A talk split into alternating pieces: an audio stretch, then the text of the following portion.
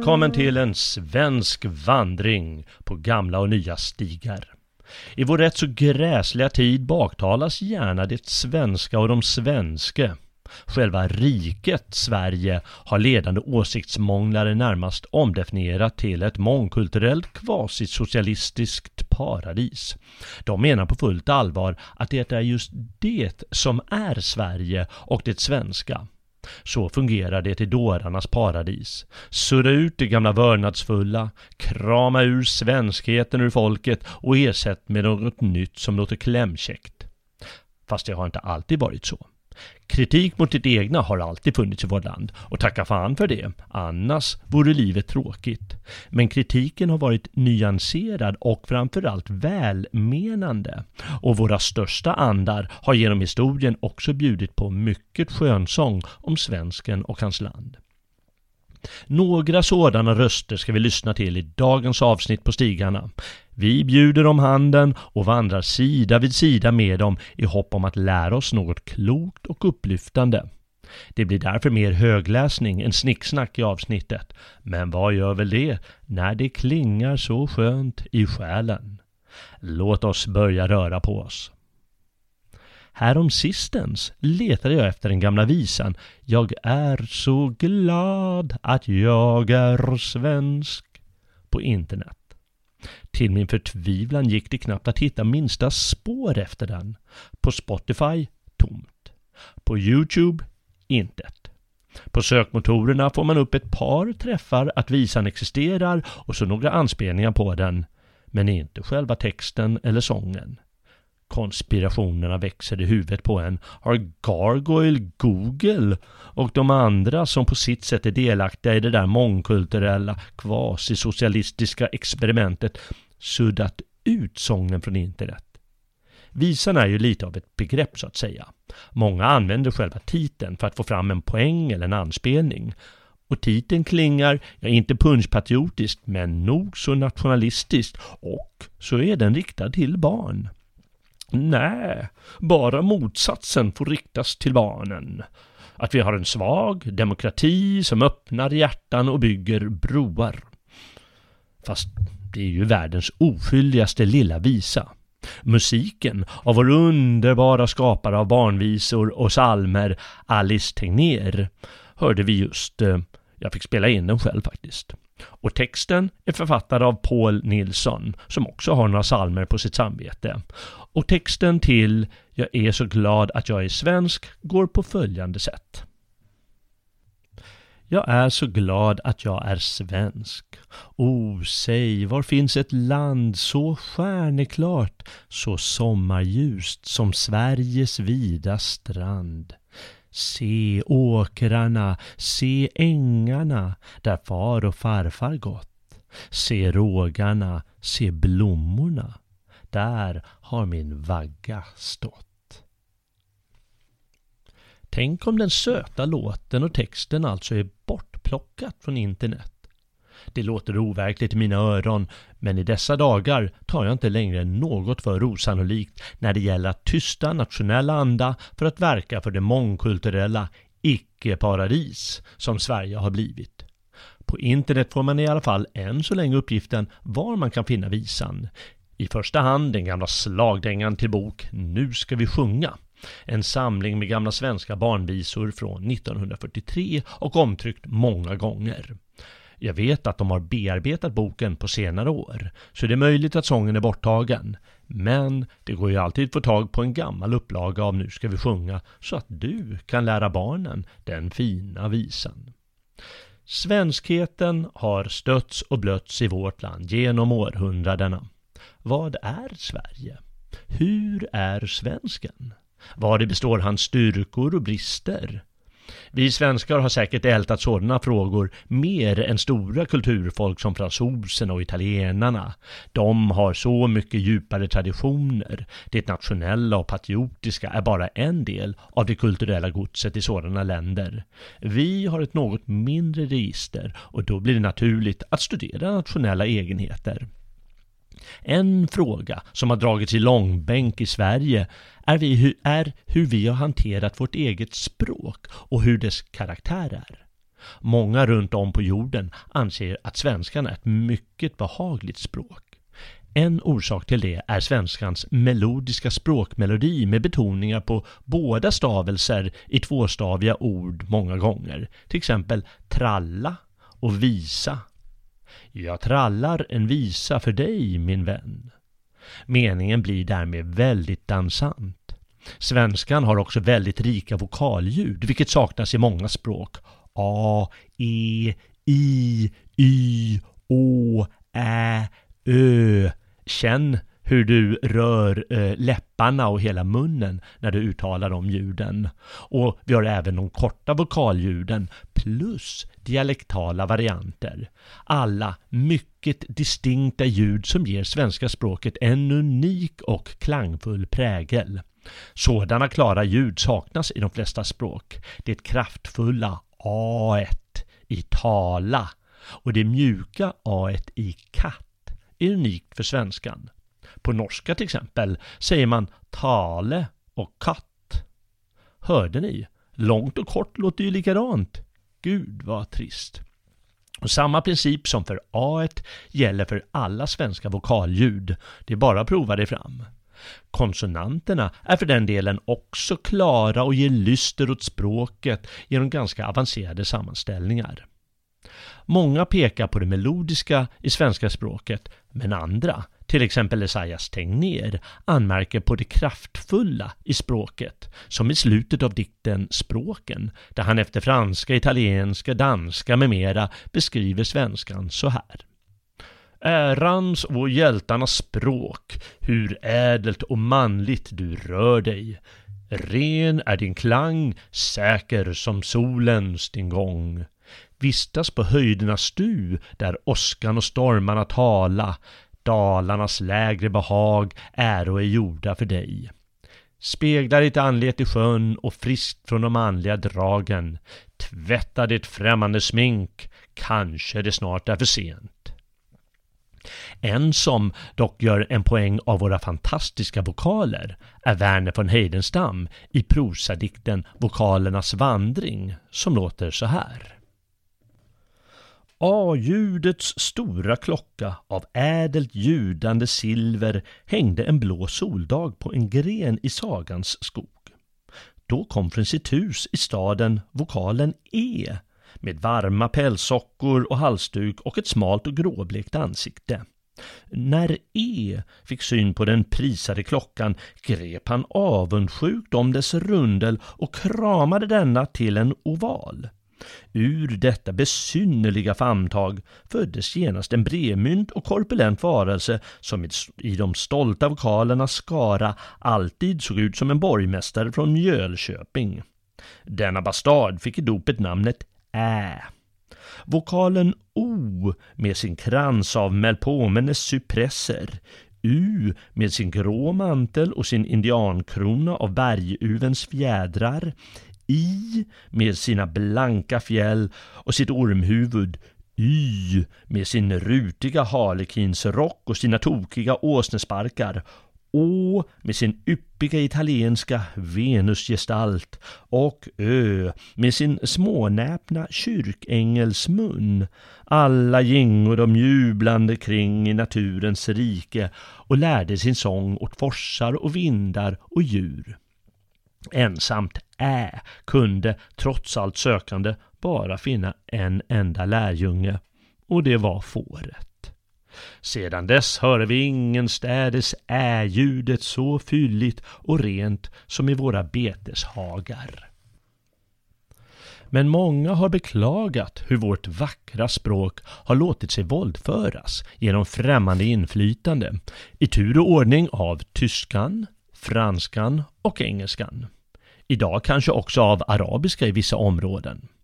Redan på 1600-talet ondgjorde sig våra främsta pennor, sådana som Georg Stjärnhjelm och Samuel Columbus, över att svenskan har antastats av främmande språk och förlorat gamla vackra ord. Stjärnhjelm nämner ordet ala för tidig. Tänk på engelskans early, de använder det gamla ordet. Ett annat ord kunde vara vindöga. Ett gammalt ord för fönsterglugg, vilket fortfarande danskan och norskan använder, vindue. Och även vissa svenska dialekter faktiskt. Ordet fönster, det kommer från tyskan, som i sin tur har lånat det från latinets fenestra. Tyskans inflytande har varit mycket större än andra språks. Anglicismer från engelskan är ingenting jämfört med tyskan, som utöver lånord har varit och pillat inne på grammatisk nivå. Det är påverkan det. Men språken har ju ett gemensamt ursprung så man behöver inte ta det så, värt, så värst hårt. På 1700-talet beklagade man sig över franskans dominans och påverkan med allehanda ord och tillgjorda ljud. Då skojade skribenten, sin tids främsta, Olof von Dalin med det franska inflytandet över överklassens språkbrus, språkbruk. I sin tidskrift Argus, där han skrev allt själv, låtsades han en gång vara en insändare som börjar sålunda. En dam. Jag är kanske det första fruntimmer som med er har korresponderat eh, och jag hasarderar väl något mycket som kommunicerar er mina kråkfötter. Men min glädje är större än att jag det kan negligera. Jag är gift efter önskan, därför kan jag göra det utan suspicion. Föräldrar och släkt engagerade mig ihop med en man av reputation vars honnêteter och bildous lovade mig det lyckligaste mariage i världen. Och så vidare. I ett annat nummer av tidskriften går Dalin loss på följande sätt. Och ni förstår säkert att flickan i berättelsen är Sveas söta språk när Dalin går loss på alla dumma moden och nycker. Jag känner en fru som alldeles skämmer bort sin dotter. Dock min läsare, vi känner väl mer än en. Stackars flicka, det gör mig ont om henne, ty hon är av naturen så täck så ljuvlig, så snäll och så hurtig som trots någon av sina likar.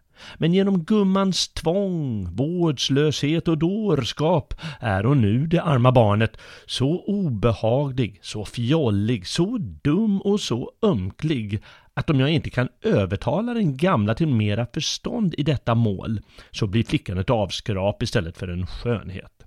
I förtroende kan jag säga dig, min läsare, att jag är något fria till henne. Men om orden så fortfar att släppa henne handlöst och inte hjälper mig att göra henne ädlare än hon nu är, så betackar jag mig. Jag kan få slynor nog ändå som har vackra kroppar och lytta själar, mycken grannåt och litet vett. Dock, det gör mig ont om denna. Hon är skön. Med morden förstår sig inte på naturlig skönhet, utan vanskapar henne med smink och franska flugor. Ja, så främmande tillsatser, fläckar och tvång har jag sett på den arma flickan att jag inte vet om de är grekiska, romerska eller tyska. Hon vet inte själv hurdan hon ska vara. All den frihet och behaglighet som födseln henne skänkt blir förkvävd, ty modern föraktar sin dotter. Antingen skall det i dy mål vara för mycket eller för litet. Jag vet mödrar som är tokiga av kärlek till sina flickor. De talar inte om annat. De upphöjer inte ett annat. De glädjas för inte ett annat. De sörjer för inte ett annat. Men denna släpper sällan sin åsna bland förnämt folk. Hon måste lulla som hon kan bland drängar, pigor och nedrigt sällskap. Du kan väl tänka vad anseende hon har bland sådant följe. Om hon äntligen får lov att komma bland folk så kommer hon utspökad, som förr sagt. Hon måste tigga sig till kläder av andra flickor som inte till henne är och skurna eller sydda. Ja, låna av dem intill gång och rörelser så att hon blir vanställd som en präst när han vill leka riddare, en hovman när han vill leka filosof och mestadels våra versmånglare när de lekar poeter. Än en gång, det gör mig ont om flickan. Men jag har inte ett annat att säga hela Sverige idag. Sverige du lär fråga vad du har att bry dig om min saga, en sådan mor och en sådan dotter. Väl, fru Sverige, men håll denna gång till godo, ty jag menar er själv. Ni är modern och ert språk är dottern. Har jag inte sagt sant? Kan någon flyktig fru värre hantera sin styvdotter än ni hanterar det svenska språket? Med ert lov, jag hade mycket att säga er mellan fyra ögon, hur illa ni anför er dotter, men jag vill nu inte mera tala med förtäckta ord. Vårt söta modersmål blir dagligen bland oss så missvårdat att det är en ömkan. De svenskas ord och meningar är nu högdragnare än de muntligen eller skriftligen kunna uttydas på svenska. Därför är nu de svenska så ovana vid svenskan att de snart inte stapplar så mycket när de talar andra språk som när de talar sitt eget. Av enskilt självsvåld är däruti bliven en allmän okunnighet. Detta dumhetens töcken sträcker sig från fotabjäller till gässan av den svenska kroppen och få är de som har ljus och ögon däremot. De förnämade samtalen är sällan svenska och de ringare apar därefter. Man har ett orimligt begrepp om vitterhet, visdom och lärdom här i landet.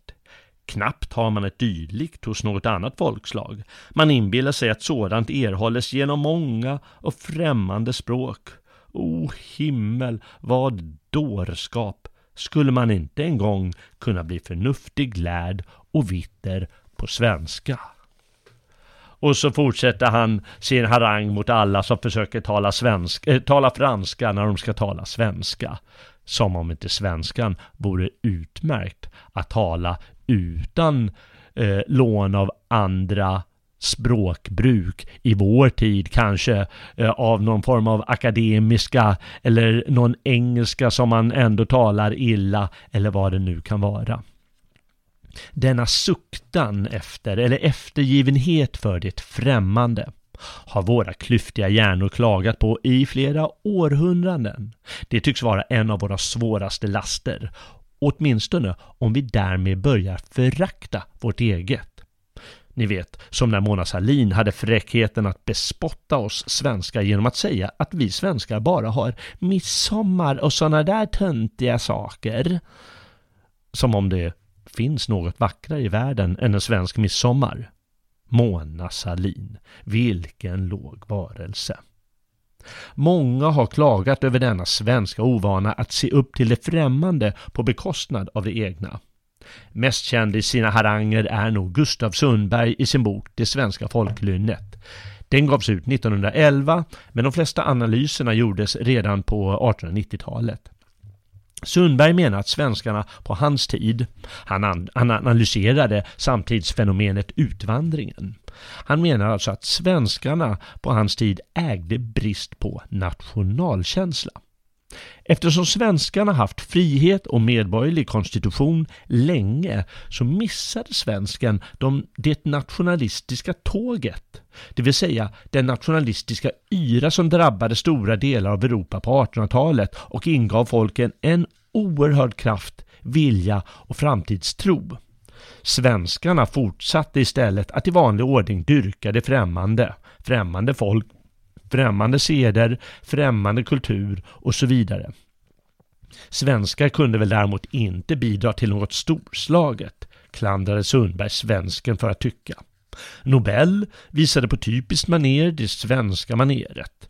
Pris skulle ges till vem som helst som gynnade mänskligheten, inte till svenskar som gynnar svenskar. För Sverige och svenskarna rådde viss likgiltighet enligt Sundbergs analys. Vidare menade han att 1600-talets fosterländskhet mest berodde på religiöst nit och plikt mot konungen snarare än äkta nationell känsla för det egna folket. Sundberg utdelar en hel del smockor mot vårt folks lynne och man kan ifrågasätta några av smockorna. Men han har också insikt och kärlek nog att lägga fram flera positiva aspekter som man finner hos sina landsmän och landskvinnor också för den delen. Ett stycke i det svenska folklynnet, som för övrigt går att eh, köpa på Logik förlag, går så här. De egenskaper som åstadkommer en duglig krigare har i alla tider varit skarpt utpräglade hos vårt folk och utan överdrift kan sägas att Sveriges krigshistoria är bland de vackraste som något folk äger. Att dessa egenskaper ännu alltjämt fortleva till trots för en 80-årig fred är av många tecken tydligt. Knappast föres även i våra dagar någonstädes ett krig där ej av egen drift deltagit betydande andel svenskar. Och sällan händer väl att ej dessa frivilliga stridsmän gör sitt folks gamla rykte heder. Man må om kriget tänka vad man vill. Det kan ej förnekas att det uppkallar den mänskliga kraften till en utomordentlig höjd och i själva verket giver varje folk i denna situation ett ovanligt klart vittnesbörd om sitt innersta kynne. Vad vårt svenska folk angår framträder härvid tydligt den öppna, klara, så att säga ljusa beskaffenhet av dess naturell. Ett oförväget mod, ståndaktig tapperhet, oegennyttig självuppoffring och ädel ridderlighet. Allt egenskaper som firar sin största triumf under öppen strid på slagfältet. För svensken mera främmande är däremot den mörka fanatism som låter Numantias och Saragossas borgare begrava sig själva under sin hemstads ruiner. Lika främmande är och för svensken det dystra hatet. Gentemot, gentemot en övervunnen fiende är han alltid skonsam och beredd till försoning. Ej sällan i högre grad än som med ett klokt tillgodoseende av egen fördel är förenligt. Otvivelaktigt framgår av det nu sagda att en utpräglad humanitet ingår såsom ett huvuddrag i det svenska lynnet.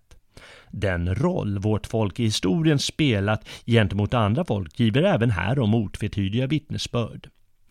Även inom eget land utövar svensken gärna denna nobla rättrådighet, som är en av samhällets fastare grundvalar och mången gång bryter udden av en i och för sig ofullkomlig samhällsordning.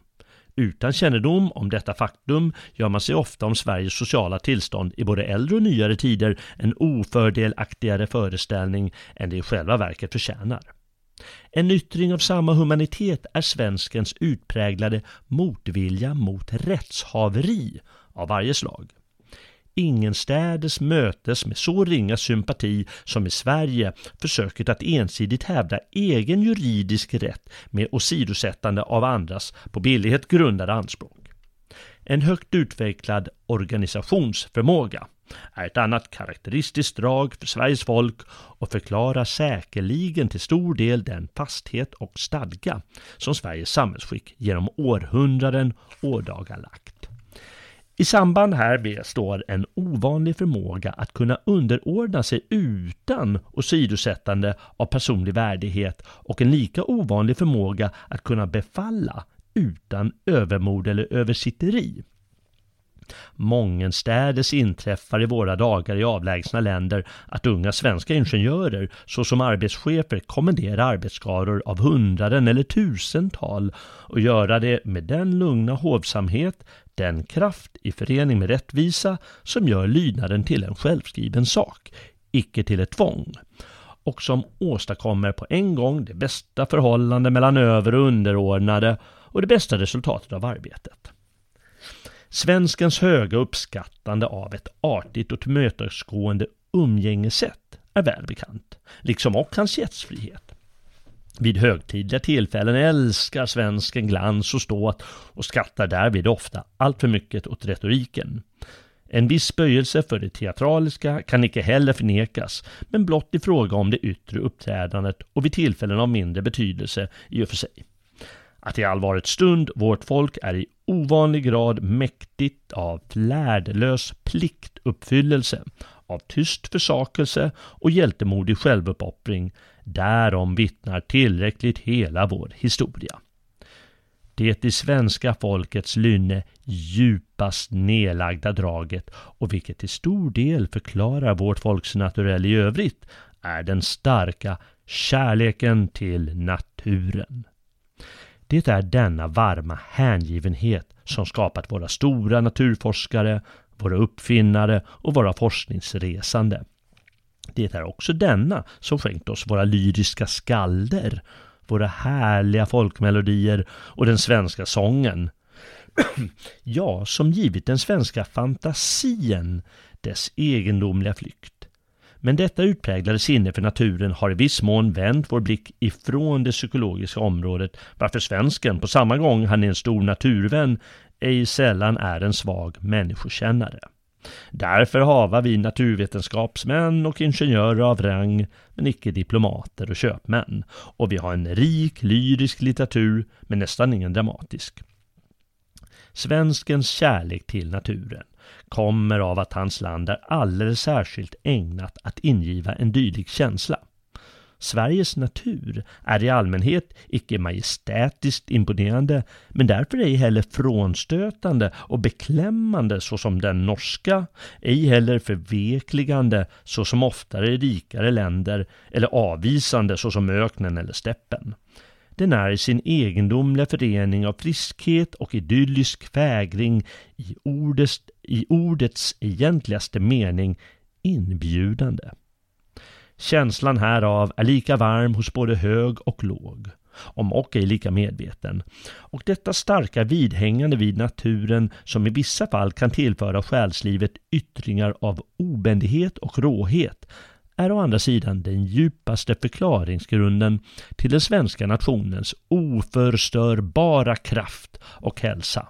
Bevisade så många gånger under de svåraste prövningar och trotsande även det sorglösa lättsinne varmed svensken icke så sällan förslösar både kroppens och själens krafter. Denna lätta sorglöshet är i själva verket vårt folks största svaghet. Å andra sidan kan ej förnekas att historien ofta ådagalägger en större livskraft hos folk av dylikt kynne än hos de nationer som förtorkas under det enda strävandet att samla och bevara.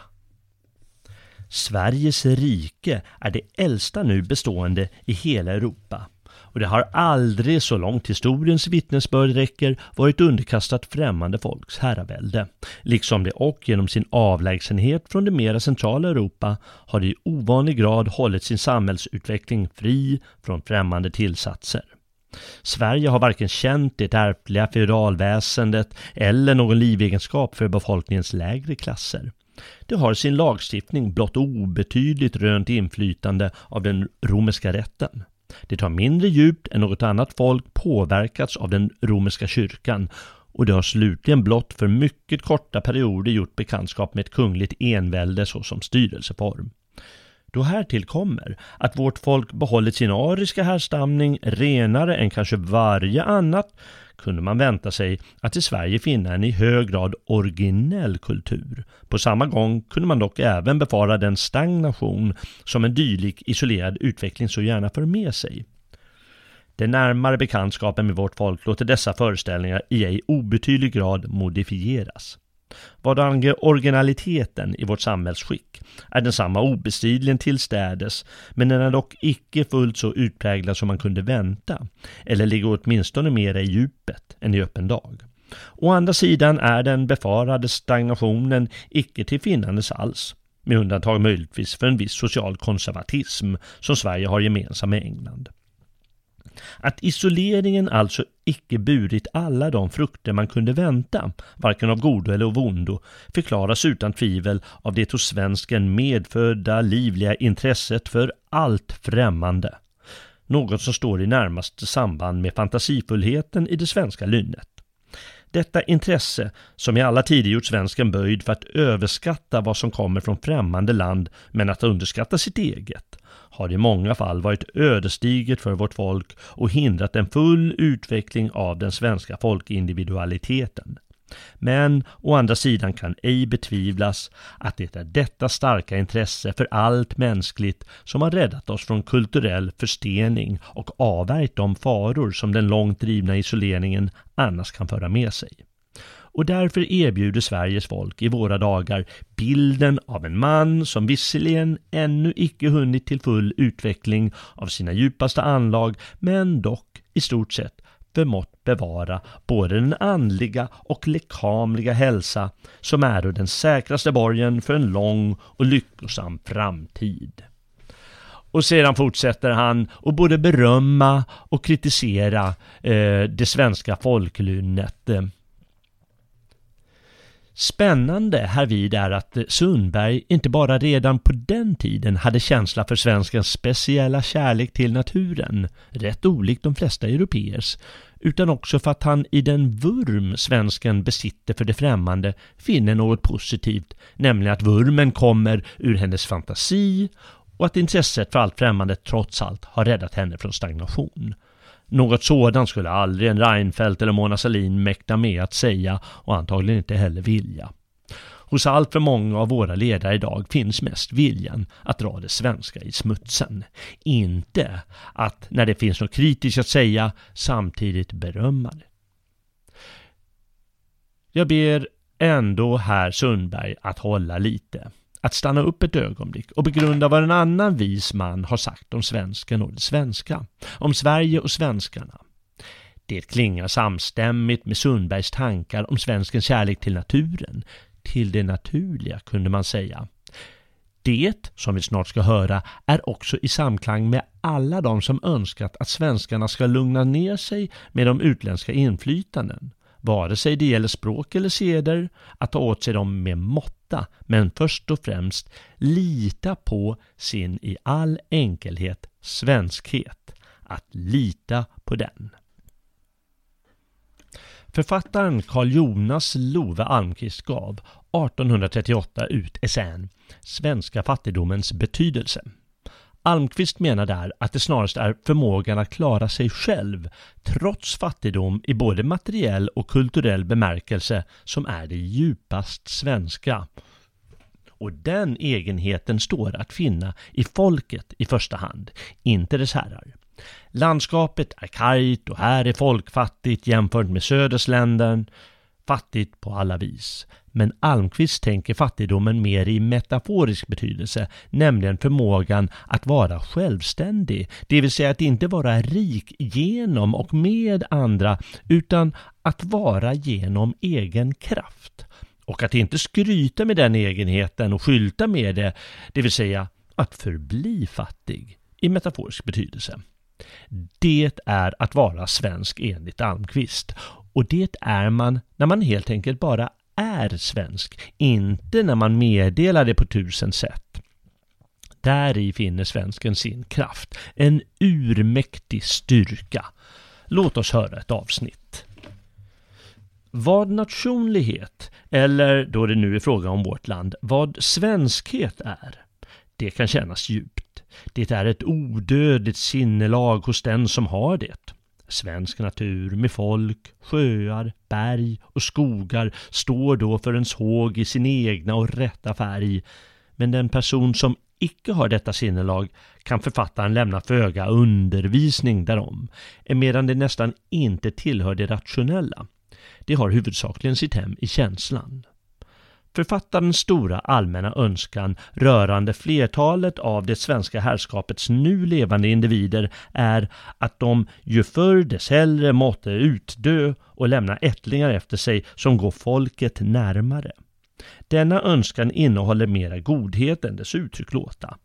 När man som våra herrskapspersoner blivit gammal på ett visst sätt medför det mycken smärta att ombildas. Det låter knappt göra sig och vartill skulle ett nästan alldeles onyttigt lidande tjäna. Vårt nu levande herrskap, så det litterata som illitterata, kan icke emotse andra dagar än de av oupphörlig förargelse. Först och främst av ungdomen, ja, av sina egna barn, som de kanske nödgas se till rikets gagn och glädje gå i en annan bana än den de själva beträtt. För det andra av allehanda skriftställare. Döden bör då icke vara ovälkommen. Herrskapsklassens ombildning kan i stort taget endast ske hos dess uppväxtande avkomlingar.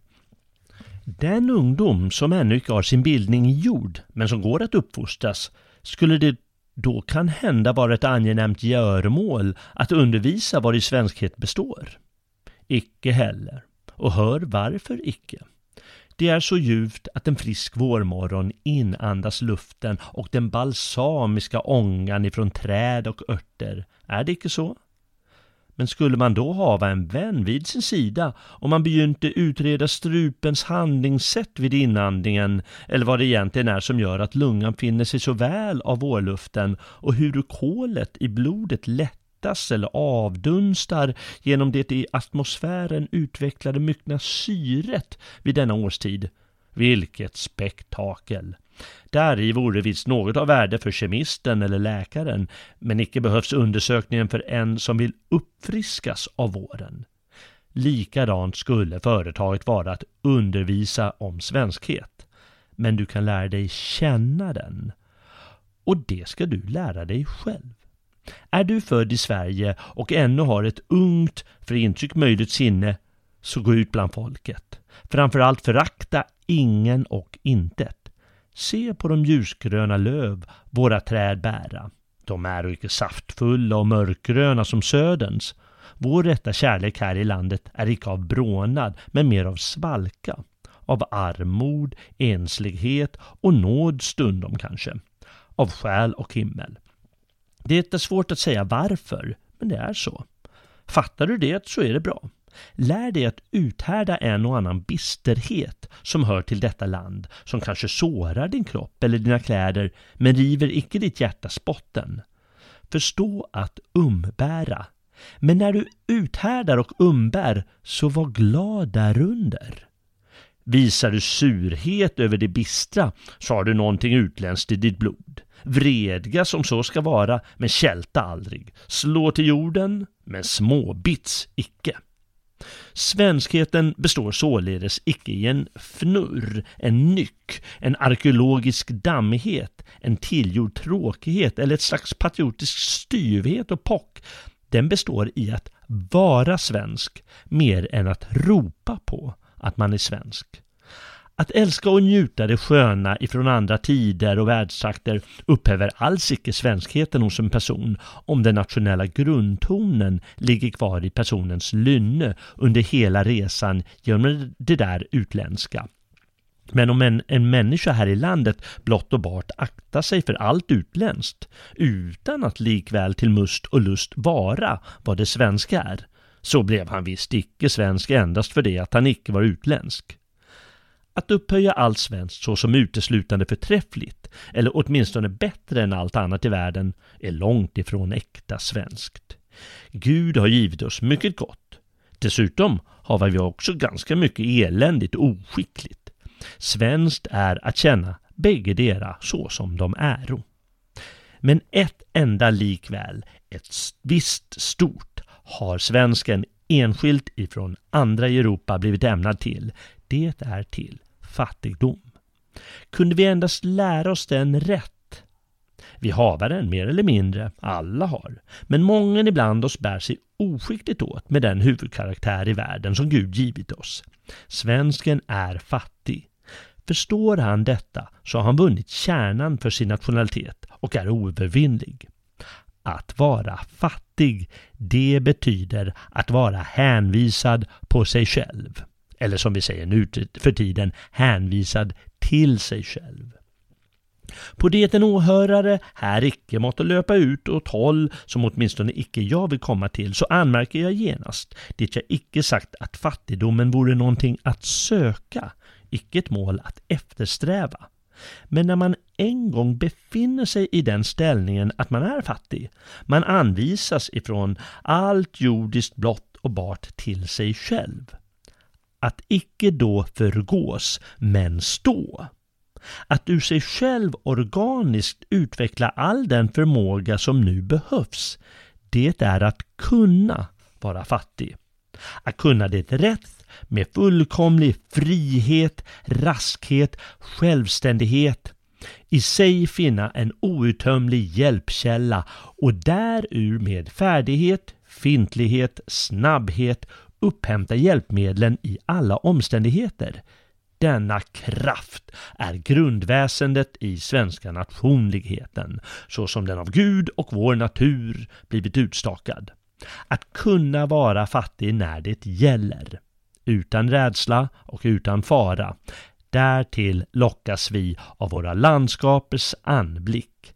Men det är icke blott vår kropps, utan likaså vår själs världsställning. Den enkelhet, den fattigdom som Almqvist hyllar går väl i takt med hans berömda dikt om svenska krusbär. Och stickelbär, som nämns i dikten, är förstås ett annat namn på krusbär. Ja, de sticks ju något förbannat de där grenarna. Vem är väl den på jordens vida rymd som njutit smaken av krusbär och av stora söta röda stickelbär och som härvid ej ropat ut ”Jag har aldrig smakat maken”. Mot det en skeppslast dumma apelsiner intet är. Själva pomeranser jag föga anser. Vad bjuder oss uppriktigt Afrika? Vad visa kan Amerika? Vad Asien? Vad allt Europa? Jag trotsar öppet alltihopa. Men Skandinavien, det är alla dagar. Blott Sverige svenska krusbär har. Almqvists fattigdom är alltså en styrka frammanad genom självständigheten, att vara hänvisad på sig själv, hänvisad till sig själv. Men därmed är svensken även fri. Så måste man förstå Almqvists fattiga svensk, som ett stycke frihet. För vad är väl annars förmågan att vara självständig, att förmå att stå fattig och alena? Just det, frihet. En svensk diktare som satte friheten före allt annat var Thomas Torild, som levde under 1800-talets andra hälft. I en liten text om tryckfrihet betonar han på slutet värdet av fria själar som därigenom ges möjlighet att vara ädla och därmed kan äga ett sant fädernesland.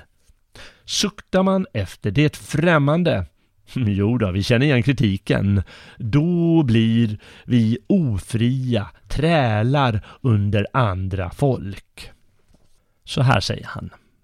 Detta ord, fädernes land, betyder ej den kalla jordgrund på vilken vi trampa, dessa berg och dälder varst fänad och trälar likaså gärna kunnat väljas, utan det betyder allt vad som ibland oss är gott och stort.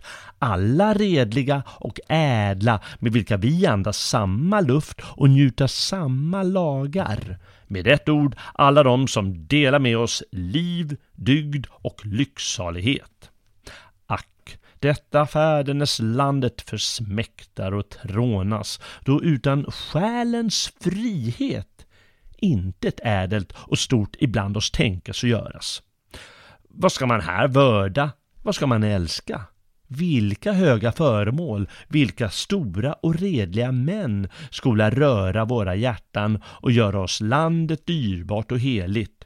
Se hur alla fara endast efter det utländska. Vi dagligen bliva mera kalla för det svenska, mera lågt efterhärmande. Innan kort är hela folkets själ utom landets gränser och förlorad i en lysande träldom hos andra folkslag. Mm, gör förståndet fritt, så skall allt svenskt hinna sin rätta storhet. Vi och skola hava ett färdenes land. Torild hette egentligen Thomas Jönsson Thorén.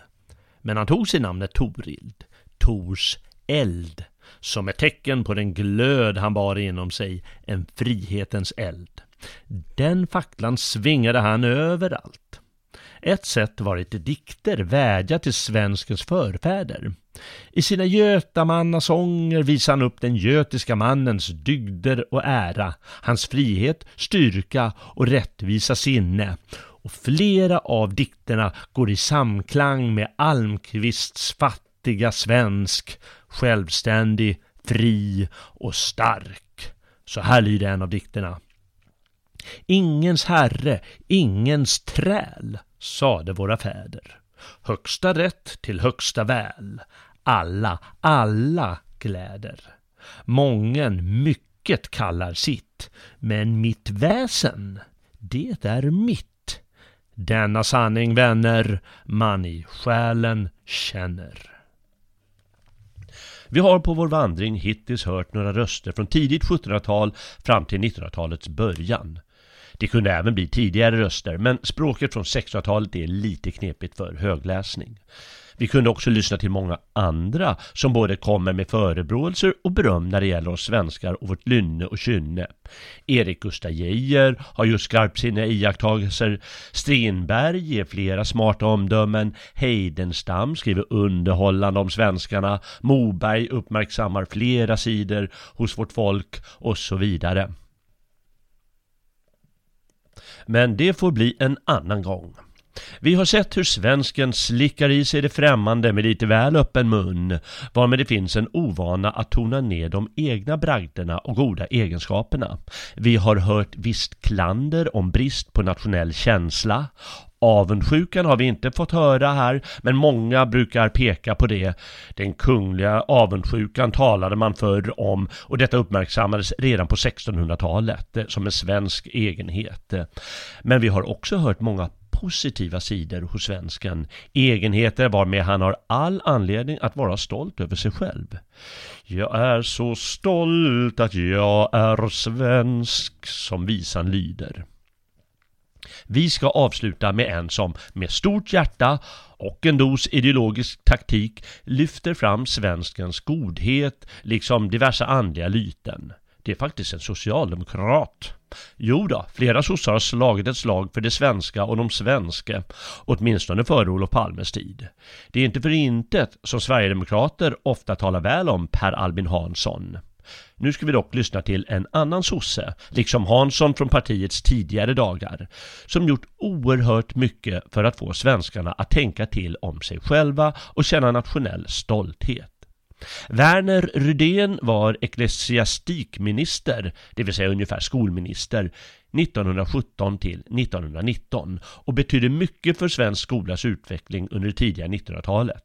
Dels genom reformer han genomförde, dels genom hans bok Medborgarkunskap från 1923 som tusentals skolelever fick läsa. Boken har faktiskt av Herbert Tingsten, en av de ledande intellektuella vid seklets mitt, karaktäriseras som den mest extremt och systematiskt genomförda nationalistiska insatser i svensk skolhistoria.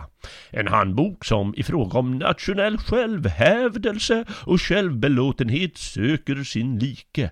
Denna bok som i fråga om cesaristisk propaganda, krigiskhet eller direkta angrepp mot andra folk erinrar om de nationella diktaturernas skolböcker. Tingsten var förstås löjligt drastisk och rabiat antinationalist. Men orden säger ändå ganska mycket om Rydéns bok. Tänk om svenska barn fick läsa den i vår tid. Det vore en härlig dröm. Och då ska man ändå ha klart för sig att den har ett klart socialdemokratiskt perspektiv. Dels hade sossarna som mål att stjäla nationalismen från högern och på så sätt göra sig till statsbärande parti. Det var från rätt tidiga år en huvudstrategi hos sossarna. Vilket mest märktes med just eh, Per Albin Hansson som vi nämnde tidigare. Dels anlade Rydén ett vänsterperspektiv på svensk historia. Det gäller att göra Engelbrekt, Gustav Vasa med flera till de sina och få historien att peka mot allmän rösträtt, tona ner kungarnas roll, framhäva fred istället för krigisk ära och andra mer typiska vänsterfrågor. Men ändå, om man tittar på boken idag känns Tingstens karaktäristik ganska träffande. Ja, kanske rent av ganska mild. Ty om ingen visste vem författaren var, då skulle nog många läsare av idag anse författaren vara ultranationalist, ja närmast rabiat nazist.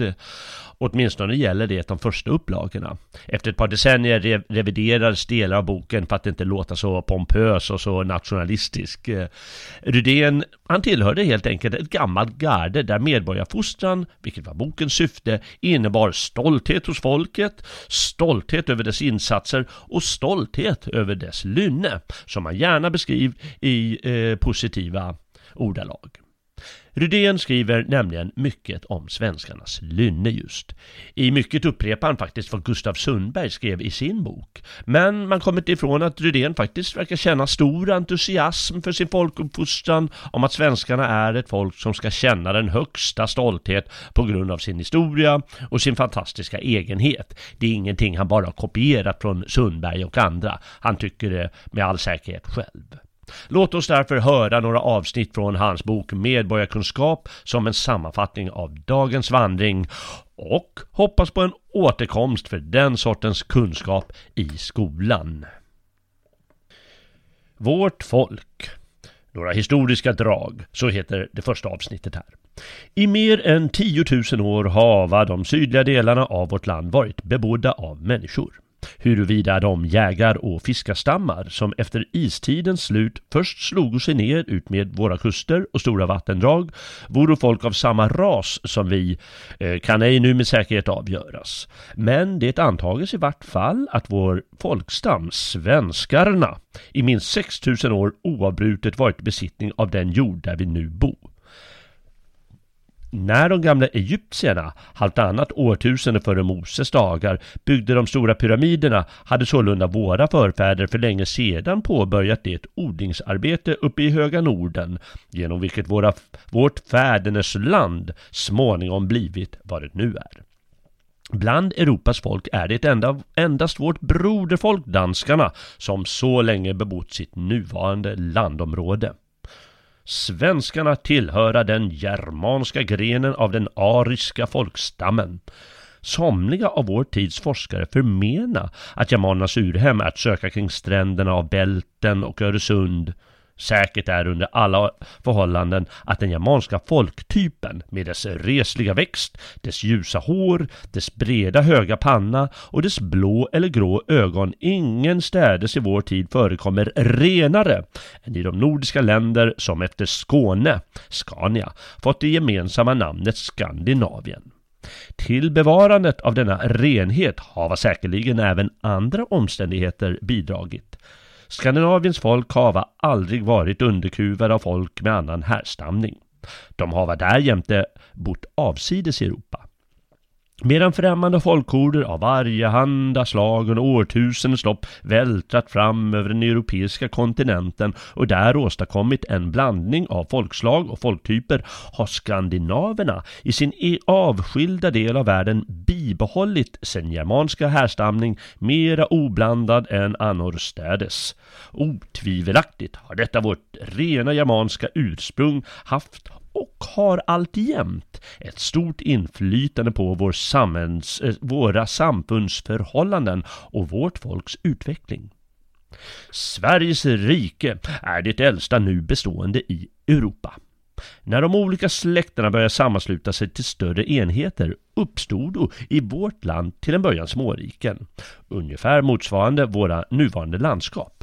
De främsta av småkungarna blev med tiden Uppsala-konungarna som härskade över det förnämsta gudatemplet i Norden. Med svek och våld slog en av dessa, Ingjald Illråde, under sig en mängd andra småriken och därmed lades grunden till ett samlat Svea rike, Sverige. Man antager att detta skedde omkring år 700 och Sveriges rike såsom ett odelat helt skulle således vara omkring 1200 år gammalt. Några forskare vill jag till och med sätta tidpunkten för svenska rikets tillkomst ännu tidigare. De därnäst äldsta av nu bestående riken i vår världsdel, Norge och Danmark, plägna, pläga räknas in i enhet. Norge från Harald Hårfagers tid, slutet av 1800-talet och Danmark från Gorm den gamles tid, början av 900-talet. Sverige har alltid varit ett självständigt land.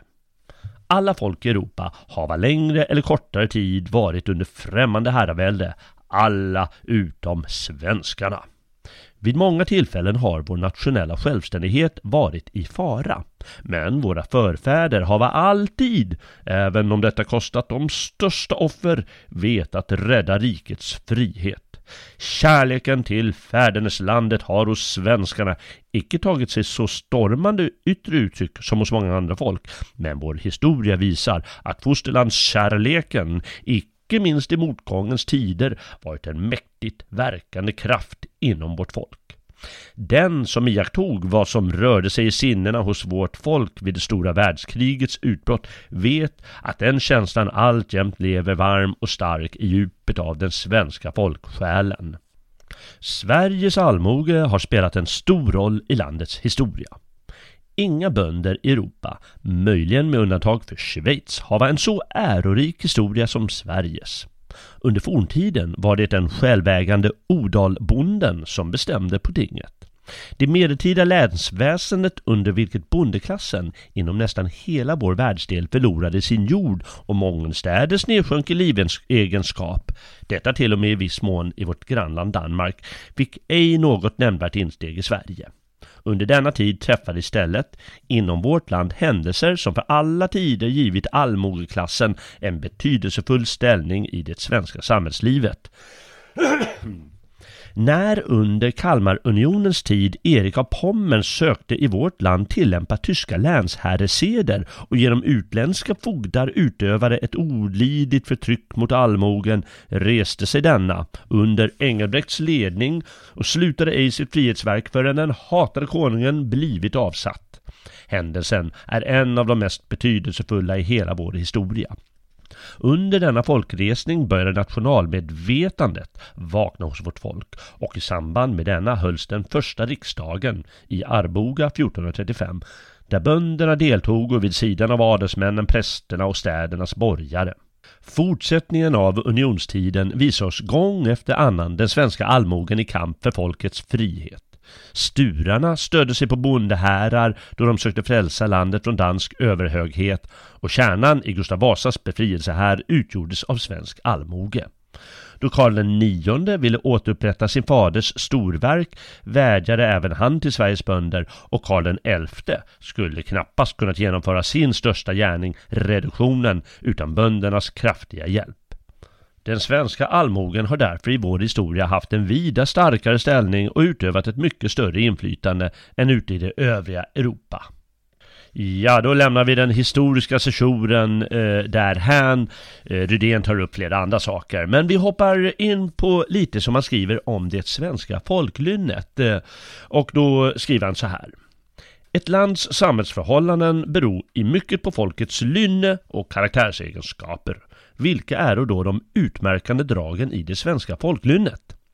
Svenskarnas starka frihetskärlek har i det föregående påvisats.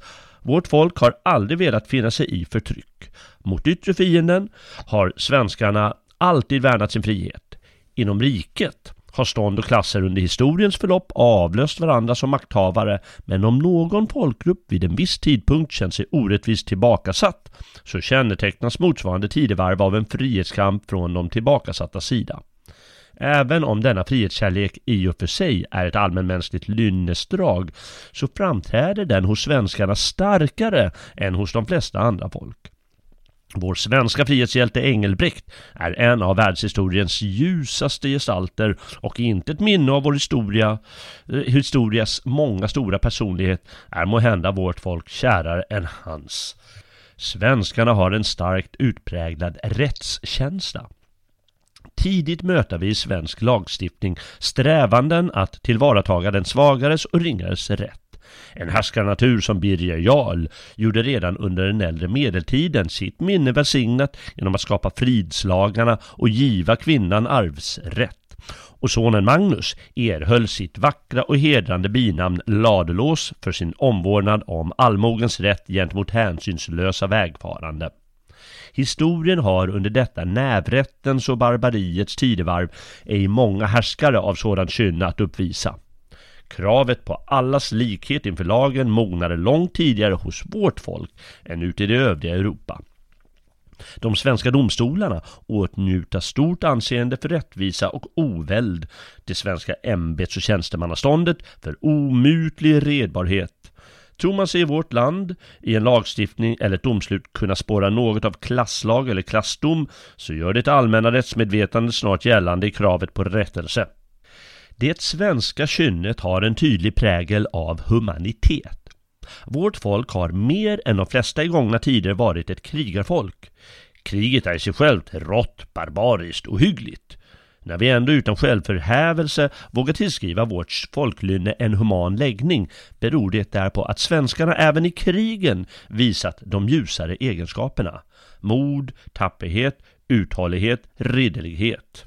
Svenskarna har många gånger lagt under sig främmande landområden men vårt folk har icke sökt undertrycka eller utsuga de erövrade länderna. Strävandena har gått ut på att höja dem, att göra dem delaktiga av den högre svenska kulturen. Därför lever än idag i forna svenska landsändar minnet av den svenska tiden i tacksam hågkomst. På Åland strävar befolkningen efter att återförenas med Sverige. Från de nu frigjorda Östersjöprovinserna kom att talrika bevis på den kärlek varmed ännu efter århundraden minnet av svenskarnas rättvisa och humana välde omfattas av stora befolkningslager. Då Sveriges en gång i Amerika anlade kolonin det nya Sverige visade de svenska kolonisterna rättvisa och mänsklighet mot de indianska urinbyggarna och levde därför i fred med dem. Andra europeiska kolonier förde ett sannskyldigt utrotningskrig mot indianerna. Svenskarna ensamma benämndes av dem våra vita bröder. Detta drag av humanitet visar även vår egen inre historia. Så gott som alla betydande förändringar i det svenska statsskicket har genomförts utan blodiga omvälvningar. Många av de största endast med lagliga medel. Så exempelvis den genomgripande representationsförändringen år 1865, så och 1918 sto års stora författningsrevision. Vi möter i vår tid denna humana läggning i den svenska folkkaraktären på många områden. Säkerligen var det icke en tillfällighet att svenskarna intog ett av de allra främsta rummen bland de folk som under och efter världskriget genom hjälpverksamhet sökte lindra lidandena bland krigets och hungersnödens offer. Svenska Röda Korset stod i första ledet i denna kärleksverksamhet.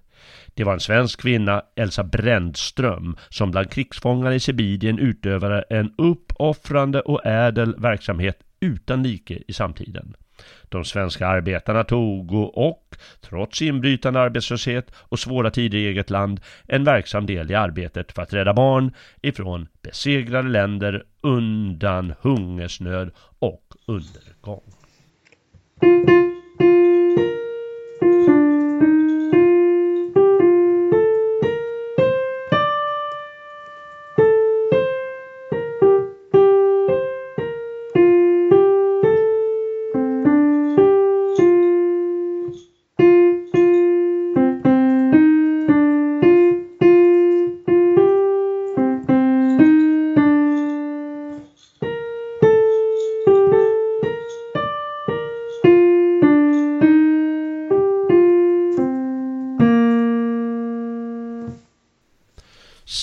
Det var dagens vandring det. Ingen dålig i mina ögon utan härlig och stärkande.